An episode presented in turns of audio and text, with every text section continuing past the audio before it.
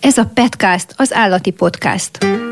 Ha neked is van kisállatod, és fontos számodra, hogy hosszú és teljes élete legyen, akkor ez a podcast neked szól. A nevem Hajman Éva, újságíró vagyok, és a Petcast házigazdája. Hiszem, hogy mindenki, akiben erre megvan a szándék, megtanulhatja, hogyan lehet nem csak jó gazdája, hanem valódi társa is a kedvencének. Tarts velem, ha te is úgy gondolod, hogy a felelős állattartás az ember kutya kötelessége.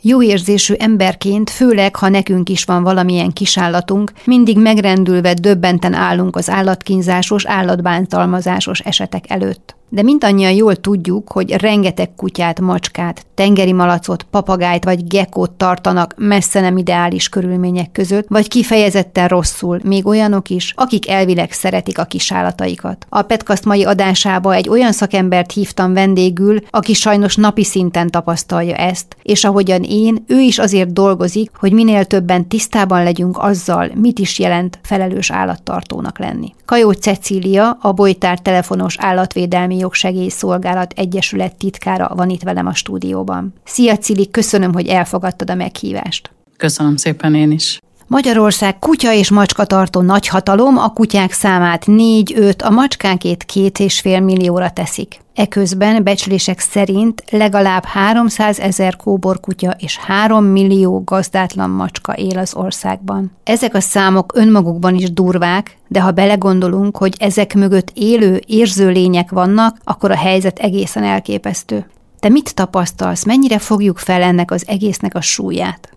Egyrészt sajnos szerintem az állattartás az valahol annyira természetes, mint hogy van valami lakberendezési tárgyunk, és nagyon sokan sajnos így is viszonyulnak hozzá az egész kérdéshez. Hogyha esetleg az a tárgy elromlik, akkor ugye mm, kicsit bosszusak vagyunk, utána nézünk, hogy melyik a legegyszerűbb, legolcsóbb megoldás, de valahogy az állatnál még sokszor erre sem törekszünk. Tehát ilyenkor ugye az a metódus, hogy keresünk egy állatvédőt, egy szervezetet, és akkor azt mondjuk neki, hogy ha aranyosak vagyunk, akkor szépen udvariasan megkérjük őket, hogy segítsenek, ha kevésbé aranyosak vagyunk, akkor azt mondjuk, hogy ez a dolguk, és nekik ebben is segíteniük kell. Meglepő mód, ez szám, mások számára talán meglepő módon, hogy ugye valakinek a saját állatát mondjuk gyógykezeltetni, vagy ilyesmit segítsenek ebben. Meggyőződésem, hogy a társadalom nagyobb része rosszul tartja az állatát, tehát nem lehet azt mondani, hogy többségünk jól tartja, felelős állattartó, és hogy azok az állatok ott jól érzik magukat, ahol, ahol tartják őket. Elképzeljük az állatkínzót, aki egy ilyen gonosz, rossz arcú ember, nem tudom, talán jellemzően férfi, borostás, valami rossz, nem tudom, ilyen eldugott pincében gonosz cselekedeteket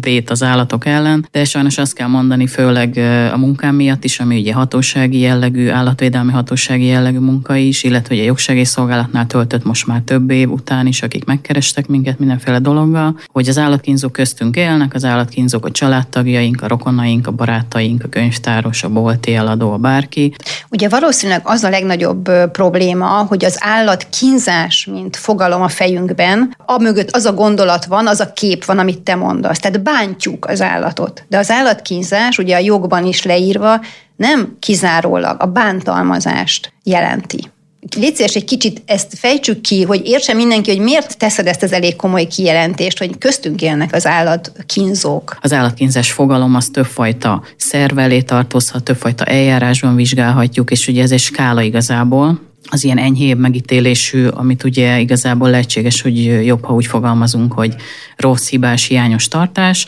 egészen a tényleg durva, brutális cselekedetekig. Ezt mondjuk eljárási oldalról, vagy hatósági oldalról azt tudjuk mondani, hogy több tízszerese, de lehet, hogy akár százszorosa is megjelenik az egyszerű megítélésű eseteknek, amikor ilyen ügyek jelennek meg a hatóságok előtt. Hál' Istennek ahhoz képest, hogy mondjuk mennyi bűncselekmény, tehát brutális cselekmény történik. És ugye ez is azt mutatja, hogy jóval többen tartanak jogilag is, meg nyilván a hétköznapi laikus ember számára is enyhébb megítélésű ö, módon rosszul állatot, és ugye hál' Istennek ezeket meg lehet azért javítani, itt be lehet avatkozni, lehet segíteni, le lehet venni a kutyát a láncról, lehet neki előírásokat tenni, mármint hogy az állattartónak, de akár állatvédő szervezetek segítségével is lehet vinni, mit tudom én, kutyaházat, tápot, meg lehet szépen beszélni az illetővel, hogy miért fontos az oltás, a csipa, bármi, és akkor ugye lehet neki segíteni. Tehát ezekből az esetekből sokkal több van. Amikor az állatkínzásról, illetve az állat elhanyagolásról beszélünk, akkor arra sem szoktunk gondolni általában, hogy mennyi mindent tehetünk mi azért, hogy ezekben a dolgokban előrelépés történjen. Tehát amikor olyat olvasok, hogy a szomszéd kutyája éhen halt, és ez egy nem egy zárt, mindenkitől elzárt területen történik. Vagy amikor olyat olvasok, hogy állatmentő szervezet ki mentett egy lakásból egy cicát, aki tulajdonképpen csont és bőrré soványodott az elmúlt hónapok alatt, mert meghalt a gazdája, és erről tudtak a szomszédok. De eszükbe se jutott, hogy ezt az állatot akkor kimentessék még a lakásból, amikor ez teljesen jó állapotban volt, hanem megvárták, amikor olyan bűzárat már ki a lakásból, hogy valószínűleg a macska meghalt, gondolták, de nem halt meg még a szerencsétlen állat, hanem az utolsó leheletével életben volt. Tehát akkor azt gondolom, hogy ilyenkor mindannyian, akik, akik tehettünk volna valamit, tulajdonképpen bűnrészesek vagyunk. Az tény, hogy nagyon sokan közönösen, közömbösen állnak ehhez, illetve ugye amíg arról van szó, hogy valahova, mit tudom én, esetleg be van zárva egy állat, vagy benreket, vagy valami baja lehet esetlegesen, addig ugye nem lépünk, de amikor ugye már a mi emberi komfortzónánkat zavarja valami, tehát tényleg büdös jön ki valahonnan, vagy valahonnan állandó ugatáson, vagy állandó nyávogás, vagy tehát valami bármi minket zavaró dolog, akkor ugye lépünk. És hát ugye sajnos el kell mondani, hogy nagyon sok esetben, mint egyébként bármilyen más ügytípusban, eljárásban, mindenféle más területén az életnek. Az ország területén attól függ valami, ilyen állatvédelmi kérdés, hogy ott adott helyen milyen típusú emberek vannak, állatszeretőkkel, lelkiismeretesekkel, mármint hogy a hatósági személyeket értem. És ennek ugye a másik szála, tehát az egyik szál lehet az, hogy azért nem történt valami, és azért történt mondjuk tragédia az állatokkal, mert közönösség, közömbösség miatt nem lépett valaki. A másik ugye, hogy a hatósági személyek nem értenek ahhoz, amit, vagy nem érdekli őket, vagy tehát bármi más oka van, hogy nem léptek. Ilyenkor mindig elmondjuk a jogsegélyszolgálatnál is, hogy az egy kötelességünk, hogy amikor tettünk egy bejelentést vagy egy feljelentést, akármennyire idegesítőek vagyunk, vagy akármennyire idegesítőnek tűnnünk, a hatósági személyek szemében végigkövessük az egészet, és kvázi erőszakosan kérdezzünk utána, menjünk utána, jár, tehát kövessük végig a folyamatot, mert sokszor az sajnos, ezt ki kell mondani, az kevés, hogy mi megtettük, és tényleg nem jogi értelemben kötelességünk, de mondjuk erkölcsileg vagy etikailag úgy éreztük, hogy mi teszünk valahova egy lépést, egy hatósági eljárás megindulása miatt, tehát azt sajnos sok esetben végig kell erőszakosan követni. Hát azért erre kevesen vagyunk képesek, vagy kevesen vagyunk alkalmasak akár. Az emberek többsége megteszi a feljelentést, megnyugszik, hogy oké, okay, minden rendben van, akár írásban, mert ezt azt hiszem, hogy szorgalmazzátok is, ugye, hogy mindenképpen írásban tegyen valaki bejelentést, ha valami problémát talál. Nyilván, hogyha rendőrséget kell felhívni, mert helyzet van, akkor nem fogok írásban fogalmazni levelet, de egyéb hatóságokhoz írásban kell, ugye? Megtenni Igen, tehát hogyha valami, tényleg valami súlyos, brutális dolog van, esetleg épp valami folyamatban levő dolog van, ugye lát valaki valahol egy utcán egy bánt bántalmazás, vagy valami olyan dolgot, amiben kell avatkozni, nyilván rögtön rendőrt kell hívni, de hogyha egyébként valami hivatalhoz, hatósághoz fordulunk, vagy olyan kvázi úgymond ráérős, nyilván ügyintézés szempontjából egy picikét jobban ráérős, mint az ilyen azonnali esetek, ott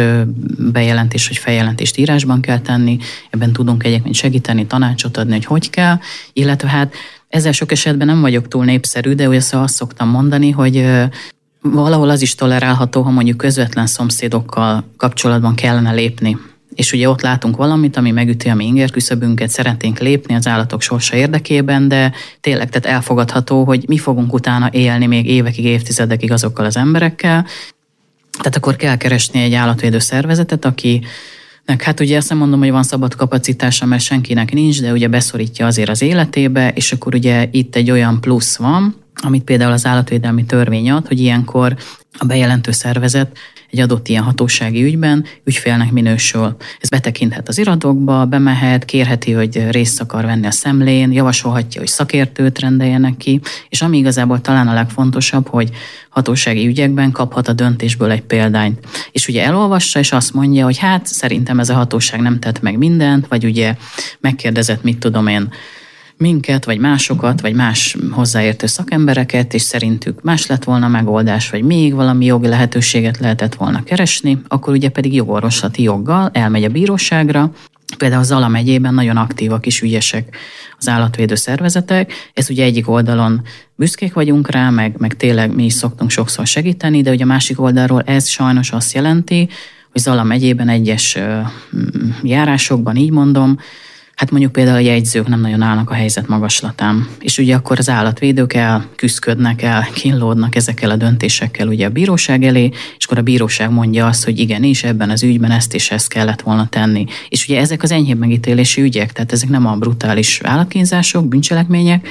ezek az enyhébb dolgok. Tehát a civil magánszemélyek, meg a civil szervezetek igazából csak jót tudnak tenni a jogalkalmazásnak, csak jót tudnak tenni a joggyakorlatnak, mert ugye megmozgatják az egészet, megpesdítik, és ugye ha végső soron nagyon elégedetlenek, akkor ugye közösségi oldalak, posztok, nem tudom hány megosztás, meg újságírók megkeresik őket, és ugye akkor meg megmozdul az egész, és esetleg olyan ügy, amihez korábban, hát hogy mondjam, nem fült valakinek a fogama elintézni, vagy, vagy, vagy úgy leült az egész, Nekem az a meglátásom, hogy, és a tapasztalatom, hogy sok esetben viszont a közösségi médiától többet várnak el olykor az emberek, mint amire az hivatott. Gondolok itt arra, hogy felposztolunk szörnyű eseteket, és akkor valaki segítsen ez a, ez a, ez a felkiáltás, de ő, ő is segíthetne, tehát fordulhatna ő is a hatósághoz, vagy hívhatná az állatvédőket. Ez a valaki segítsen, mindenki valaki egész nyugodtan, bátran, mondom, ha ő maga nem is, akkor addig kell, és nem csak a hatóságokkal, és most nyilván nem leszek megint népszerű, de hogy a szervezetek, szervezetekkel is addig kell erőszakoskodni,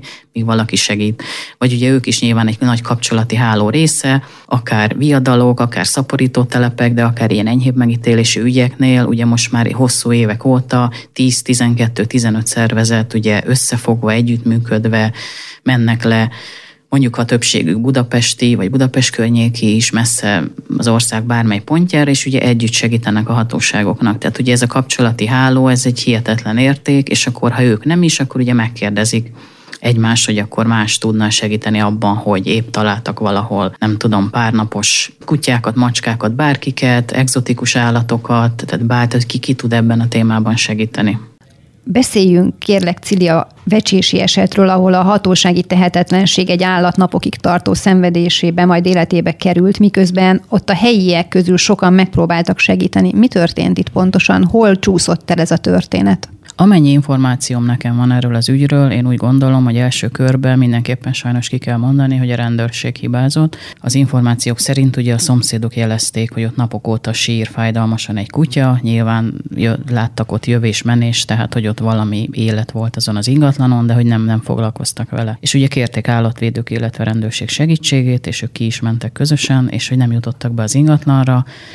és ugye a vége az lett a húzavonának, hogy első körben ugye nem jutottak be, nem tudtak intézkedni, majd ugye kutyát, ugye a napok óta síró és ellátásra szoruló kutyát, ugye valahol egy közeli erdőben kidobva találták meg, és nem is lehetett rajta segíteni, tehát próbáltak, aztán elvitték állatorvoshoz, de nem, nem sikerült, mert olyan állapotban volt. És ugye volt egy második körös, ahol hát azért összeszedték magukat. Hatóság is, állatvédő szervezetek abszolút ugye toppon voltak, és ugye a második körben legalább ugye ennek a kutyának a társait sikerült kimenteni onnan, ahol a gazda saját elmondása szerint sok-sok éve egyébként ebből éltek, tehát hogy ők ott kivitték a, a kutyakölyköket a közeli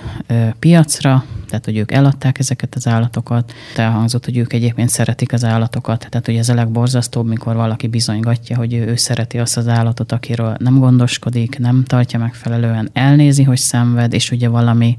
nem tudom, álságos akár vallási, akár bármilyen más magyarázattal azt mondja, hogy nem segít neki a végső úton, hogy méltóság teljesen és fájdalommentesen el tudja hagyni ezt a létet, mert hogy nem tudom, ő elutasítja az eutanáziát. Sőt, hogyha jól emlékszem, akkor oltva se voltak a kutyák épp azért, mert az oltást is elutasítják. Igen, valami elég egészen speciális világlátású ember vagy család ez, és ugye az is fura, hogy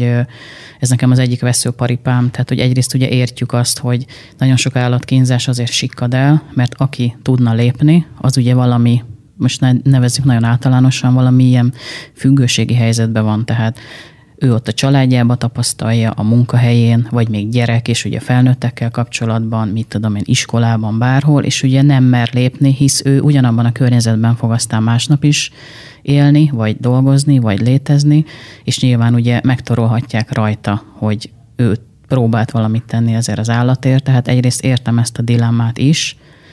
de úgy gondolom, hogy mindenképpen kell azért valamit lép. Nem szabad ilyen lelkületűnek lenni, hogy félelemből nem lépünk, ha ilyen ugye csak idézőjelesen egy állat érdekében félelemből nem lépünk, akkor majd mi lesz a dilemmánk, ha mondjuk egy ember miatt kell lenne lépnünk, és ugye ott sem merünk. Azt nem tudom, hogy ez az ügy egyébként milyen fázisban van jelenleg, de itt nagy valószínűséggel várható olyan döntés a hatóságok részéről, hogy eltiltják az állattartástól ezeket a tulajdonosokat. Ez ugye még nagyon az elején van, tehát nyilván ugye egy megalapozott eljáráshoz, akár büntetőeljárásról beszélünk, ugye a konkrétan az állatkínzás miatt, ugye, hogy ellátatlanul szenvedett egy állat, vagy ugye a idézőjeles enyhébb tartási hibák miatt, ahova mondjuk ide tartozhat az, hogy ugye nem voltak oltva, nem voltak csipezve, olyan volt a tartási helyük, amilyen, tehát ugye takarítatlan, kicsi, nem megfelelő nagyságú. Ugye kuvaszokról beszélünk, tehát több igen, kuvasz volt Igen, ott. igen. Tehát, hogy ott ugye meg akkor ez a, tehát, hogy tényleg a brutális állatkínzáshoz képest mondom, hogy ugye enyhébb, idézőjelesen enyhébb tartási hiányosságok miatt, ugye ott a jegyzőnek van elsősorban szerepe,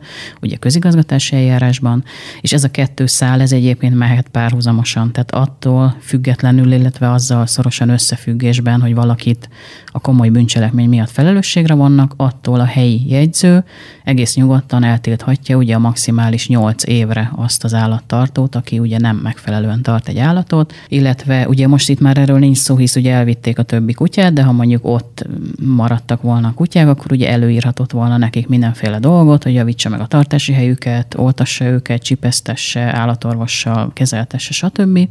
És ugye ahhoz rakhat egy határidőt, és akkor visszaellenőrzi. Tehát, hogy egyébként a bárki bárhol azzal találkozik, hogy egymásra tologatják a hatóságok a felelősséget, vagy egymásra tologatják a munkát, hogy jaj, nem, nem, mert hát bementünk feljelentést tenni a rendőrségre, és hát ugye egy az egybe küldtek át a jegyzőhöz, hogy ez rátartozik. Ez nincs így, tehát, hogy ez jogilag abszolút szabályosan lefolytatható több szálon is, és hogy több szálon tudunk az állatok érdekében is beavatkozni, meg hát nyilván ugye az állattartót is tudjuk szankcionálni, meg, meg, meg akár mondom eltiltani is. Volt egy nagyon hasonló, mármint hogy kicsengésében hasonló eset, ami amiben talán ugyanez a megoldás lesz, amit most itt felvázoltál, hogy több hatóság együttműködése vagy, vagy döntése szükséges majd a, a megoldáshoz, ahol elkoboztak szintén, vagy elhoztak állatokat, ott cicákról volt szó, egy nagyon kis légtérben, vagy nagyon kis alapterületen tartott rengeteg cicáról, talán lakótelepi lakásban, két idősebb embernél volt talán 24 macska. Azért hoztam ezt most föl szintén példának, mert azt gondolom, hogy amikor állatkínzásról beszélünk, és te is mondtad, hogy az állatkínzás, a valódi kínzás, az egy nagyon kicsi hányad a szerencsére az eseteknek, és de nagyon sok az, amikor rossz tartásról, nagyon rossz körülményekről beszélünk. Hát ugye itt arról volt szó, hogy egy kisebb méretű lakótelepi lakásban ugye több mint 20 macskát tartott valaki, ivarosan, nem igazán megfelelően takarítva, hisz ugye messziről érezhető volt a bűz,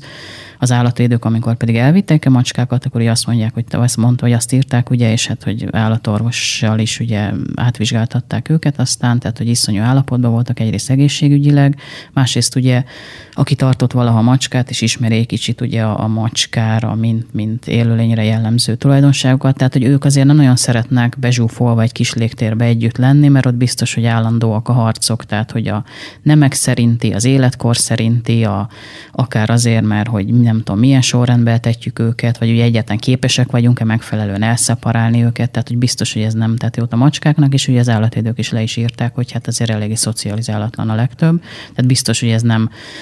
nem jelenti azt a jó gazda gondosságát, amit mondjuk minimálisan egy állatvédelmi törvény is megkövetel, de hogy igazából ez a hétköznapi állatkínzás, tehát ők a szomszédaink, a munkatársaink, a családtagjaink, bárki tarthat rosszul állatot, és ugye az állatkínzás nem csak az a brutális verzió, hogy tényleg nem tudom,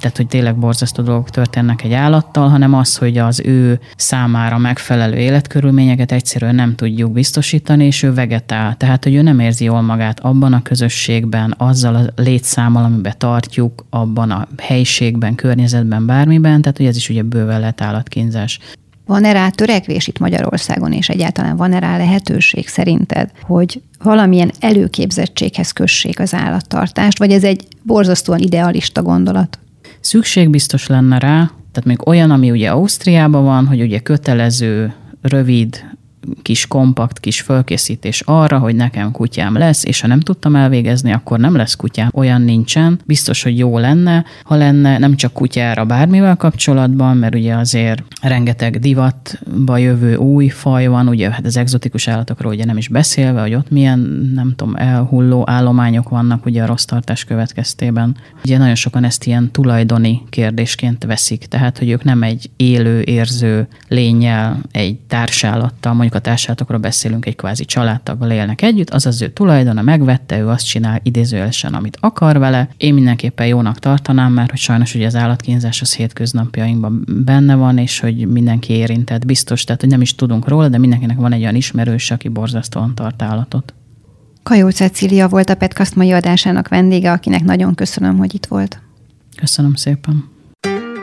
Ez volt a Petcast, az állati podcast. Köszönöm, hogy a mai adásban velem tartottál. Hallgasd a műsort legközelebb is, hogy a legjobb társa lehess annak, akit megszelídítettél.